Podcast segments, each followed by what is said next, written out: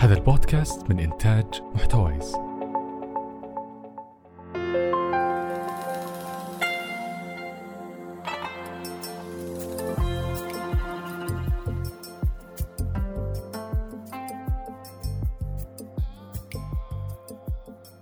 أهلا وسهلا. أنا منى الطريف وهذا ظرف مكان. هنا بنتكلم عن الأماكن اللي زرناها والأحداث اللي مرينا فيها والقصص اللي نحلم بيوم من الأيام أننا نرويها هذا الموسم الثاني من ظرف مكان نركز فيه أكثر على السفر في السعودية واستعراض المواقع المسجلة ضمن قائمة التراث العالمي باليونسكو بنتكلم أكثر عن المكان وظرف المكان التاريخي، الثقافي، الإنساني وجوانب أخرى تخلينا نتعرف أكثر على بلدنا. هذا البودكاست برعاية زين.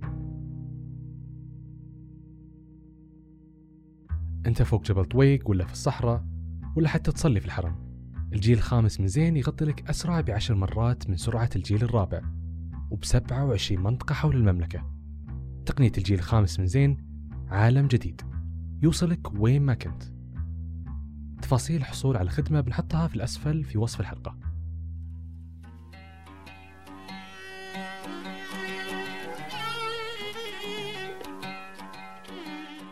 إلى الساحل الشرقي وشواطئ الخليج. ما بين البحر والصحراء والعيون والنخيل بتكون رحلتنا. هذه الحلقة عن الأحساء. بنتجول بين مزارعها ونتكلم عن موقعها وتاريخها والحضارات اللي سكنت فيها. بيرافقنا في هالحلقة المرشد السياحي الأستاذ حمد الحقباني. وبياخذنا معاه في رحلة عبر التاريخ. فكونوا مستعدين للعودة بالزمن آلاف السنوات. بداية تقع محافظة الأحساء في جنوب شرق المملكة العربية السعودية ويبعد مركزها الهفوف عن العاصمة الرياض تقريبا 300 كيلومتر. استوطن فيها الإنسان وبنى حضارة ومخزون تاريخي عظيم. استمرت الهجرات وتوالت القبائل بالنزوح لها على مر الزمن ومن كل فترة بقت فيها آثار تشهد على وجودهم. خلونا نتعرف عليها. الحسا مدينة قديمة بل من أقدم المدن في جزيرة العرب. تاريخها يمتد إلى أكثر من 6000 سنة. بسبب وفرة مياهها وخصوبة أراضيها تعاقبت عليها حضارات عديدة. وكان من أول هذه أول من سكنها الكنعانيون الذين سكنوا المنطقة منذ ثلاثة آلاف سنة قبل الميلاد. ومن سلالاتهم العمالقة الفينيقيون الذين اشتهروا بأعمال الري والزراعة. وأتى بعدهم الكلدانيون في القرن السابع قبل الميلاد. عند نزوحهم من أرض بابل وأسسوا مدينة الجرهاء حيث قامت على أنقاضها هجر ثم الأحساء التي نعرف اليوم.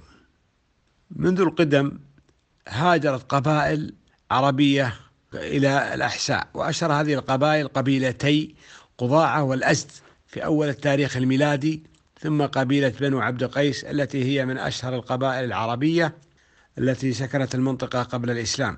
وعند ظهور الإسلام أسلموا كانوا من أول دخلوا الإسلام طواعية وامتدحهم الرسول صلى الله عليه وسلم.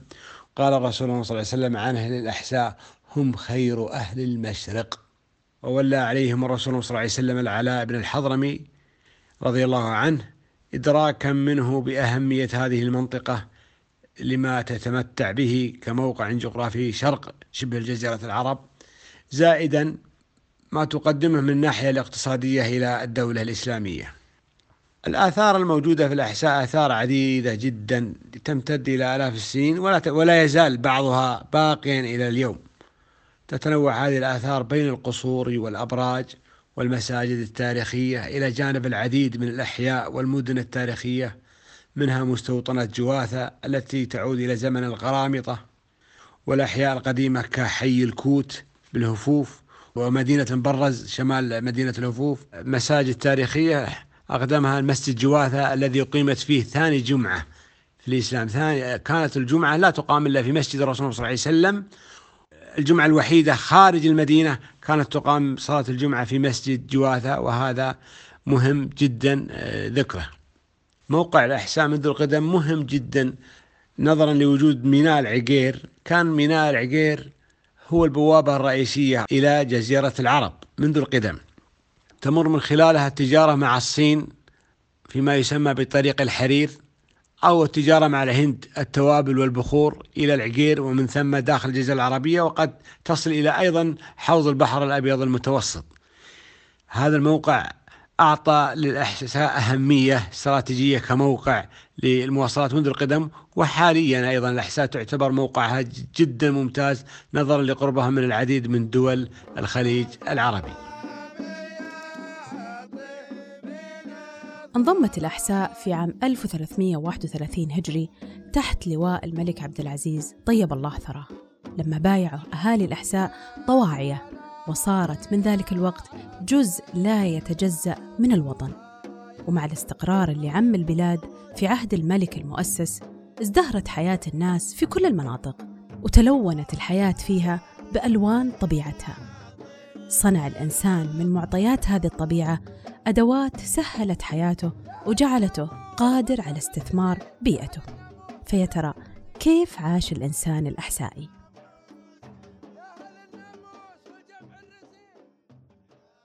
حياة الإنسان الإحسائي القديمة قائمة على البساطة والتعاون والود والمحبة فيما بينهم والأحساء منذ القدم إلى وقتنا الحالي. اشتهروا أهلها بالطيبة والتعايش والألفة فيما بينهم وتقبل الآخر. وعاش الإنسان الإحسائي عيشة جميلة عيشة بسيطة دون أي تكلف. ويوجد في الأحساء مهن عديدة ومن أشهر هذه المهن مهن الذهب وعمل المصوقات الذهبية سواء الخاصة بالنساء والحلي أو بالسيوف أو بالجنابي الأحسائية والجنبية الأحسائية من أهم وأرقى وأجود أنواع الجنابي التي تصنع في جزيرة العرب الجنبية الأحسائية. وكذلك صناعة الحصير أو ما يعرف بالمداد أو المدة وهي صناعة تجلب من بعض مناطق الأحساء ويتم حياكة هذه الحصير في عدة طرق أو عدة فترات أن يصبح حصيرا جاهزا للبيع في الأسواق. وكذلك صنع الحبال بأنواعها التي تستخدم في آه، المزارع وتستخدم في عملية آه، آه، صناعة الكر الذي يصعد به إلى النخلة. وكذلك الصناعات المحش والسخين الأشياء والهيب الأدوات التي تستخدم في الزراعة. وكذلك أدوات الحراثة كلها كانت تصنع في الأحساء. تشتهر الأحساء بصناعة الفخار منذ قديم الزمان إلى وقتنا الحالي وتصنع الأواني الخاصة بالطهي الطعام وكذلك الكؤوس والجرار والحب والزير. كلها أدوات حفظ المياه وكذلك يصنع بها التنور الذي يستخدم في أفران آه، عمل الخبز الأحسائي وكذلك يستخدم في آه، للطهي آه، الأحسائي قديما.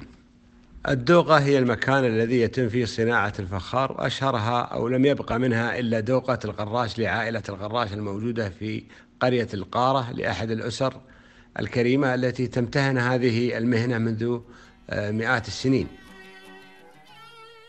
أيضا من المهن الشعبية اللي برزت في الأحساء وارتبطت بصناعتها هي صناعة الدلة الحساوية المشهورة.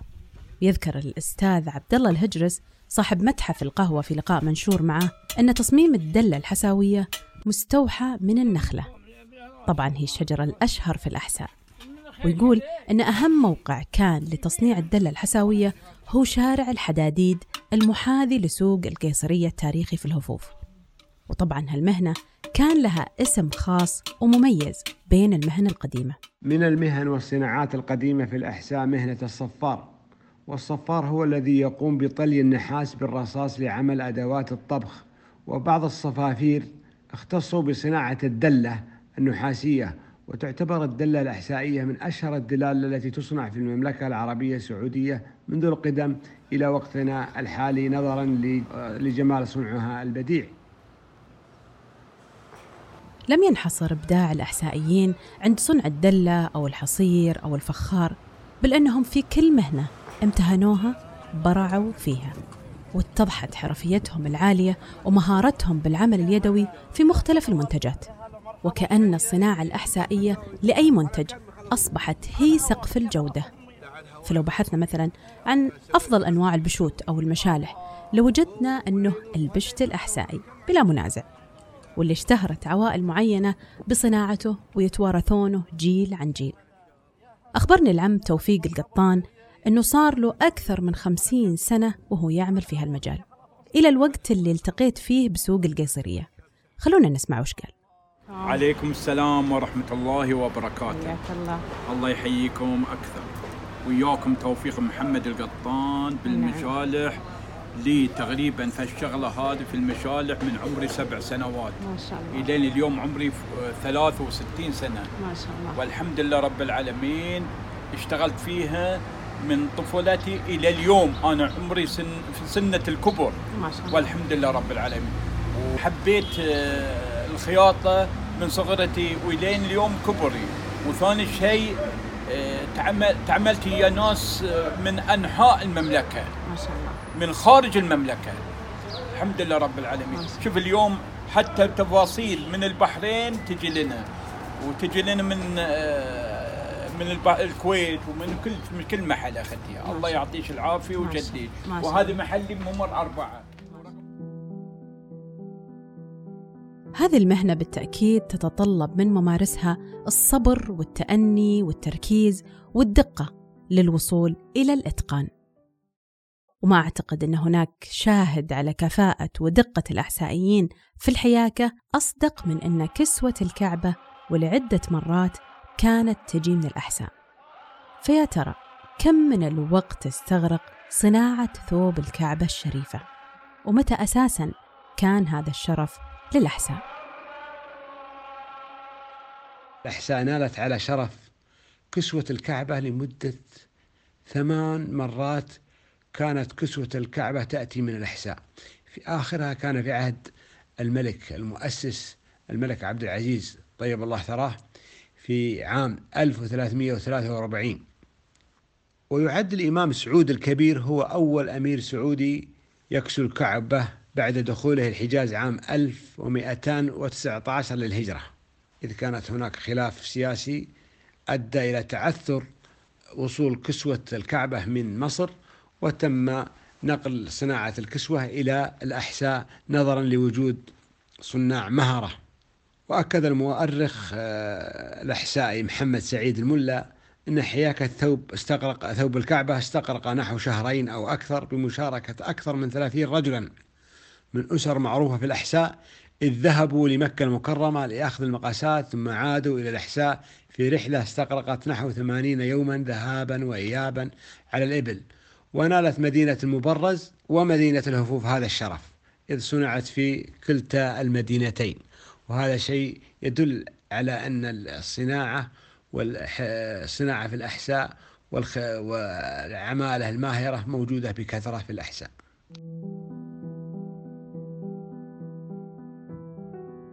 ومن الحديث عن الصناعات إلى الحديث عن جانب آخر تعتمد عليه الحياة في الأحساء منذ القدم ويعتبر عنصر رئيس في طبيعة المنطقة المليئة بالخيرات ورمز لهويتها. بالتأكيد نتكلم عن الزراعة وبالأخص عن النخيل والخيرات اللي تنتجها. طبيعة الأحساء فيها كل المقومات لتكون منطقة زراعية من الدرجة الأولى وأهم هذه المقومات هو توفر المياه الطبيعية من العيون والأنهار الجارية اللي تنبع في المنطقة من قديم الزمان وهذا اللي جعل منها أكبر واحة في العالم.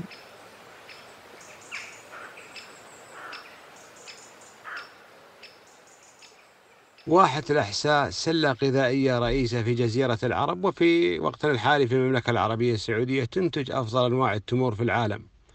وأشهر تمورها تمور التي تنتج في الأحساء الخلاص والرزيز والطيار والمجناز والهلالي والبرحي والخنيزي ومرحيم والشهل والشبيبي والوصيلي وتعتبر الأحساء من أعرق الأسواق في جزيرة العرب في آه، بيع التمور. وكذلك هناك العديد آه، من الخضار الفاخرة التي تزرع في الأحساء بسبب جودة المياه الموجودة في الأحساء. ومن أشهر هذه المح... هناك 30 صنفا من أنواع الخضار. أنواع كثير لا يمكن حصرها نظرا لجودة عذوبة مياه الأحساء وجودة أرضها الزراعية. وكذلك يزرع في الأحساء الرز الحساوي أغلى رز في العالم أو ما يعرف محليا بالعيش الحساوي وهو محصول مهم وأسعاره غالية ومنافع جدا عالية وقيمة غذائية عالية. وهناك بعض أنواع الفواكه الأحساء آه، جميع ما هو طيب يزرع في الأحساء. وأيضا آه، تشتهر الأحساء بعيون المياه. حيث يوجد بها أكثر من ثلاثين عينا كانت تتدفق بالمياه الطبيعية وكانت هذه العيون تمد المنطقة المناطق الزراعية بالمياه عبر مجموعة من القنوات والجداول التي كانت تشكل أنهارا داخل هذه الواحة الجميلة. ولا زالت تتدفق الآن بحفر العيون الارتوازية لمساعدتها لكي لا لكي تغذي هذه المزارع. وأيضا يوجد في الأحساء عين نجم وهي عين قديمة. اختلف في سبب تسميتها عين نجم. منهم من قال بسبب نيزك من السماء وسميت نجم. ومنهم من قال إنها تنسب إلى واحد من أمراء بني من قبيلة بني خالد الذين حكموا الأحساء اللي هو نجم بن عبد الله بن عريعر. عام 1117 للهجرة كانت هذه العين ملتقى للحجاج. من الأحساء ومن دول الخليج العربي. بل تعتبرها عين نجم من أول المناطق السياحية الاستشفائية حيث أن مياهها كبريتية وكانوا يقدون لها من جميع دول الدول المجاورة ومن داخل آه، جزيرة العرب من أجل الاستشفاء بمياهها آه، الدافئة الكبريتية. كما ذكرنا كعين مسبعة سميت مسبعة نظرا لأنها يجري منها سبعة أنهار. لهذا سميت عين أم سبعة. مهم أيضا أن نتحدث عن طبيعة المنطقة بشكل عام من زاوية أخرى. زاوية تعكس علاقة الناس بهذه الطبيعة. علاقة الناس بالعيون اللي تشكلت حولها حياتهم وكانت سبب بعد الله في بقائهم على قيد الحياة. بينما الناس في أماكن أخرى من شبه الجزيرة العربية كانوا ينزحون من بلدانهم بسبب الجوع والفقر وشح المياه. العيون اللي كانت ملاذ آمن والنخيل اللي كانت ظل وريف من قسوة الصحراء. راح تشاركنا السيدة أم محمد المطوع المهتمة بتراث الأحساء بوصف مشهد علاقة الناس بهالعيون والأنهار والنخيل والمفاهيم اللي ارتبطت فيها. ونعرف القصص والأساطير اللي كانت تدور حولها في القرى وشكلت جزء من ثقافة الناس. من إحنا أطفال صغار الحمد لله رب العالمين تربينا فيها بعز وعزة وملاذ حلو. الحمد لله رب العالمين. من المكان اللي أنا فيها الآن المسمية بدار الضرب يكون بجانبها نهر لبابي من أول إحنا نسميه نهر لبابي بس في الصك عندنا إحنا محاذاة في بيتنا نهر بابي هذا النهر يمشي إلى ناحية القوع الماي حقه. فهناك في ذيك المكان مكان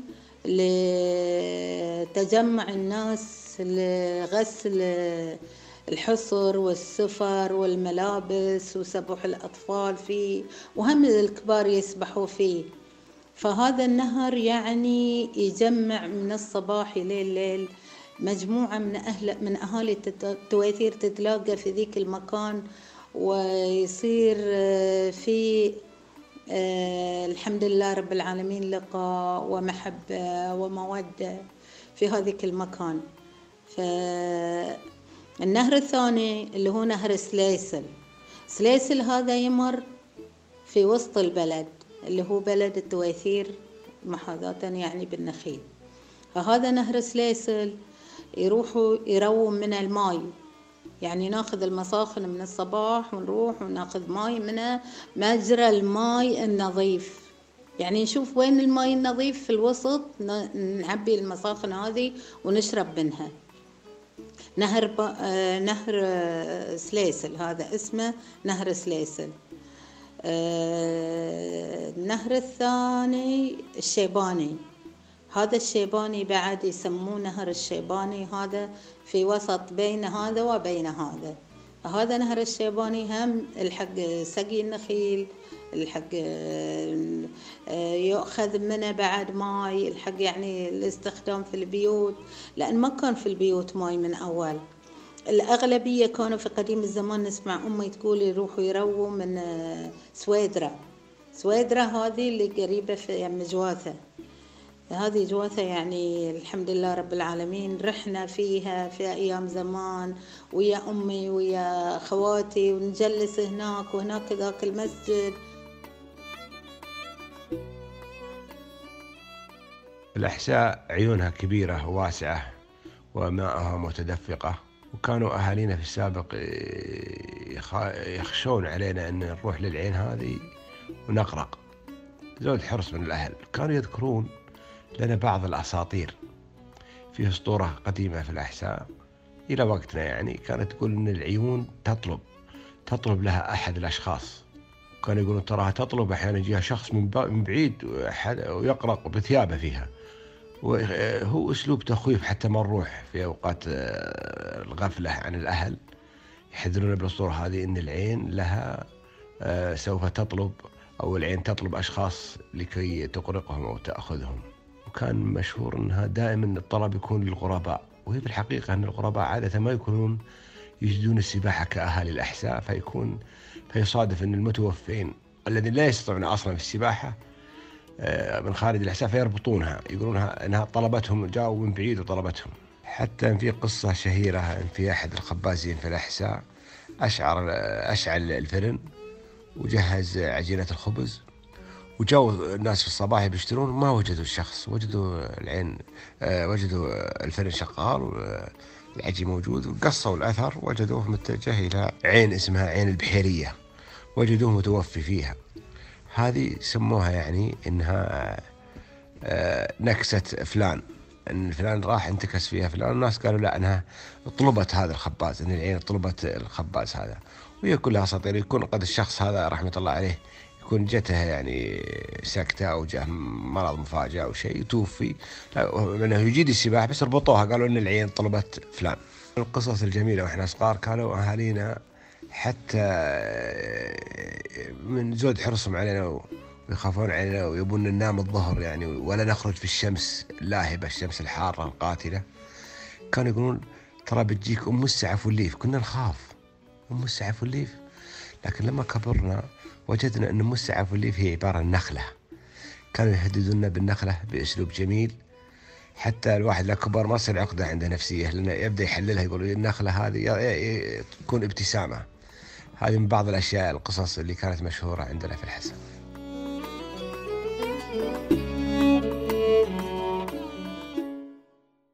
خلونا ناخذ فاصل صغير ونقول لكم عن جافا تايم واحدة من أول الشركات السعودية اللي تقدم أنواع مختلفة من القهوة من عام 1999 ننصحكم تزورونهم وتجربون قهوتهم. والآن نرجع نكمل حلقتنا. وإلى مشهد آخر من المشاهد الثقافية في الإحساء فيه من التنوع الشيء الكثير بسبب عراقة المنطقة وتاريخها وتعاقب القبائل عليها وكونها مركز تجاري مفتوح مثل ما قلنا على العالم وميناء مهم على الخليج. تنوعت الفنون الشعبية فيها وتشكلت من أنماط الحياة الموجودة فيها. فالبحارة والغواصين كان لهم أهازيج خاصة تساعدهم على قطع الأيام والأشهر الطويلة اللي يقضونها في عرض البحر. يعبر فيه النهامين عن اشتياقهم للعودة للأهل والوطن.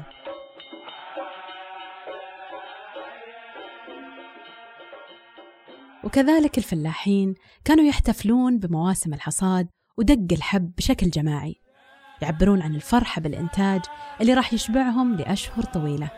يحملون بأيديهم عصي مصنوعة من جريد النخل ويدورون حول كومة من الحصاد الجديد طبعا من الرز الحساوي. ومثل ما تميزت ألوان معينة من الإيقاعات أيضا تميزت اللهجة الحساوية الجميلة. ألوان متعددة تعكس ذائقة أهل الأحساء ورحابة ذوقهم.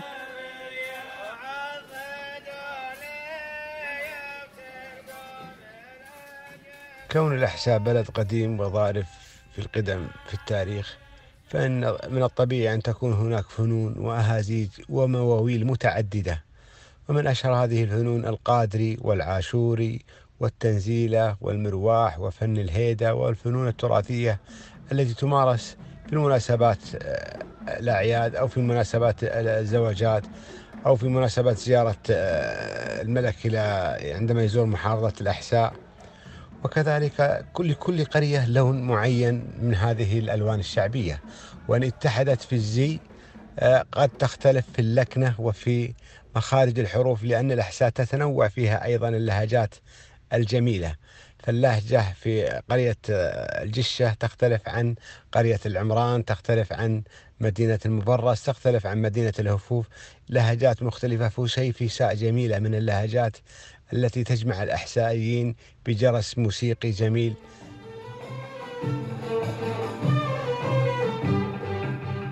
نكمل على الفنون والإيقاعات والأهازيج اللي من الطبيعي تكون موجودة في المناسبات السعيدة وخاصة الأعراس. تحف أجواءها بالبهجة وتضيف الفرح للفرح. عن الاحتفال وعادات بعض قرى الأحساء في الخطبة والزواج والبساطة اللي تغلف كل هالتقاليد قديما. هبت على الدنيا من الجنة الجنة. من أيام الزواجات كانوا يروحوا يخطبوا البنية البنية طبعا هي مسكينة على حالتها صغرها وهم الولد يلعب في السكة وياها. ما يجي على فكرهم إن هذا بيأخذ هذا يروحوا يأخذوها من سكتها ويملكوا عليها. قولي نعم وهي تقول قولي نعم. فلانة قولي نعم وهي تقول قولي نعم. بدور قولي نعم قالت بدور قولي نعم. وما شاء الله. يطلبوا أهل العرس آه، المهر. المهر شنو؟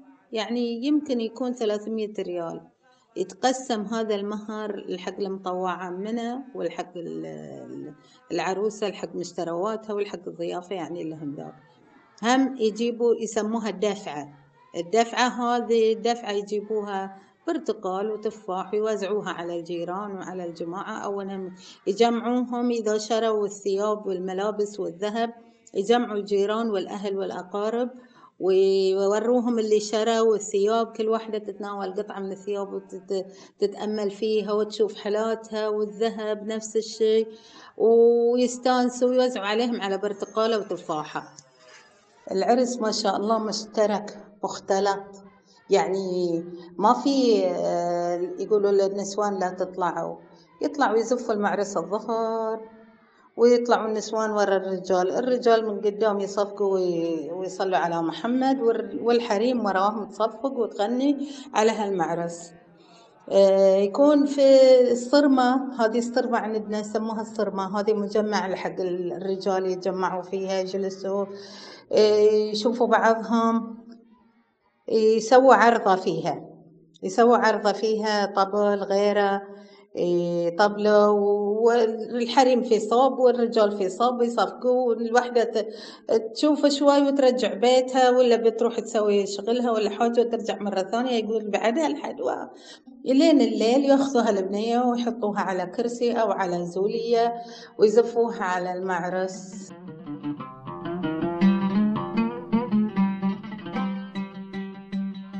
الجميل أن أهالي الأحساء حافظوا على كثير من التقاليد والعادات والحرف والآثار اللي يرجع بعضها لآلاف السنين مثل مسجد جواثة اللي يعود تاريخه للسنة السابعة من الهجرة أو مثل قصر إبراهيم اللي يرجع إلى عهد الجبريين قبل حوالي 600 سنة أو سوق القيصرية اللي يرجع لأكثر من 200 سنة وما زال لحد اليوم يلعب دور أساسي في حياة الناس أو بيت البيعة اللي سجلت فيه صفحة من صفحات توحيد المملكة. بالنهاية سكان الأحساء على مر الزمن حافظوا على ممتلكات وهوية الأحساء الفريدة وهذا الشيء جعل المنطقة تحتفظ بتاريخ عريق يتوجب باستمرار المحافظة عليه لذلك كانت من المناطق اللي أولتها الحكومة الرشيدة عناية خاصة مع رؤية 2030 لبناء المجتمعات المهنية وإعادة إحياء بعض الأماكن المعروفة قديما لأصحاب الحرف وتنشيط تواجدهم في الأسواق الشعبية المختلفة حيث يوجد بالأحساء أكثر من 30 سوق شعبي على مدار الأسبوع. سوق الأربعاء، سوق الخميس، سوق الجمعة وعددوا كل الأيام كل يوم في منطقة. كل ما مرينا عليه في هالحلقة هو لمحة بسيطة جدا عن الأحساء. وإذا عرفنا أن هذه المنطقة استوطنها البشر من آلاف السنين فمن الجدير بها جدا أنها تصبح أحد مواقع التراث العالمي المسجلة باليونسكو. وهذا الشيء اللي صار في عام 2018 يمكن البعض منكم يتساءل إيش هو الموقع المسجل بالضبط؟ الجواب أن الأحساء سجلت كمنطقة كاملة كواحة نخيل تحيط بها رمال الصحاري من جميع الجهات. هنا كلمة الوفد الممثل لملف تسجيل واحة الأحساء في اليونسكو ثم نستمع لفرحة الأهالي بالتسجيل اللي وثقته مشكورة الهيئة العامة للسياحة والتراث الوطني. أن واحة الإحساء هي المثال الناجح والكبير على مستوى العالم لكيف استطاع الإنسان أن يتكيف مع آخر تغير مناخي كبير حدث في الأرض. وهذه الواحة هي أهم شاهد في العالم الآن من التكيف مع هذا التغير المناخي وأوجد بيئة مناسبة للعيش والإنتاج. والواحة هذه هي مهد الحضارات. إن وفد المملكة العربية السعودية يقدم جزيل الشكر والامتنان لكم ولكافة الدول الأعضاء في لجنة التراث العالمي على تسجيل موقع واحة الأحساء كأحد المواقع الثقافية المتطورة على قائمة التراث العالمي. ونؤكد على حرص حكومة المملكة العربية السعودية على صون وحماية التراث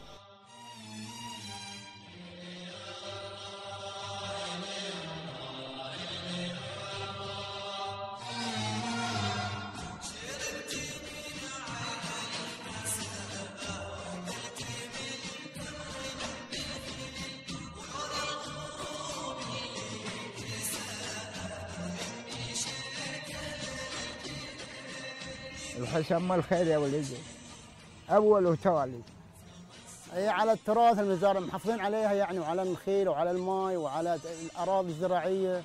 كلها محافظين عليها يعني. فرحنا فرح ما كنا متوقعينه وإحنا نطالب في الشيء من زمان. لكن على العموم أهل الحاسه ما قصروا. وهم ما ننسى الحكومة الرشيدة ما قصرت مليون. ومو بس أهل الحاسه لا الوطن العربي والعالم الإسلامي كله فرحان بهذا الشيء. إنها لما صارت اليونسكو. أسعد الأحسائيين جميعا وأسعدنا إحنا بالأخص يا المزارعين والفلاحين. فالحمد لله الحمد لله. والله فرحانين فرحه ما تتصور. ولا بغريب على أهل الحسا ولون الغروب اللي كسى درب من المؤكد أن التسجيل في اليونسكو يعني أهمية الموقع على مستوى العالم. لكنه أيضا إشادة بهذا الإنسان اللي حافظ على هالموقع وكان على مر الزمن إنسان متصالح مع أرضه ومحب للآخر وباحث عن السلام والانتماء للجماعة. بكذا نكون وصلنا لنهاية رحلتنا في الأحساء. شكرا لاستماعكم. أتمنى أن الحلقة عجبتكم واستمتعتوا معنا بالرحلة. يسعدنا تشاركونها مع غيركم. وقبل لا نختم ما راح ننسى نقول الكلمة الشهيرة. الحسا حساك لو الدهر نساك. ختاما نزلنا ها هنا ثم ارتحلنا. وهكذا الدنيا نزول وارتحال. رافقتكم السلامة.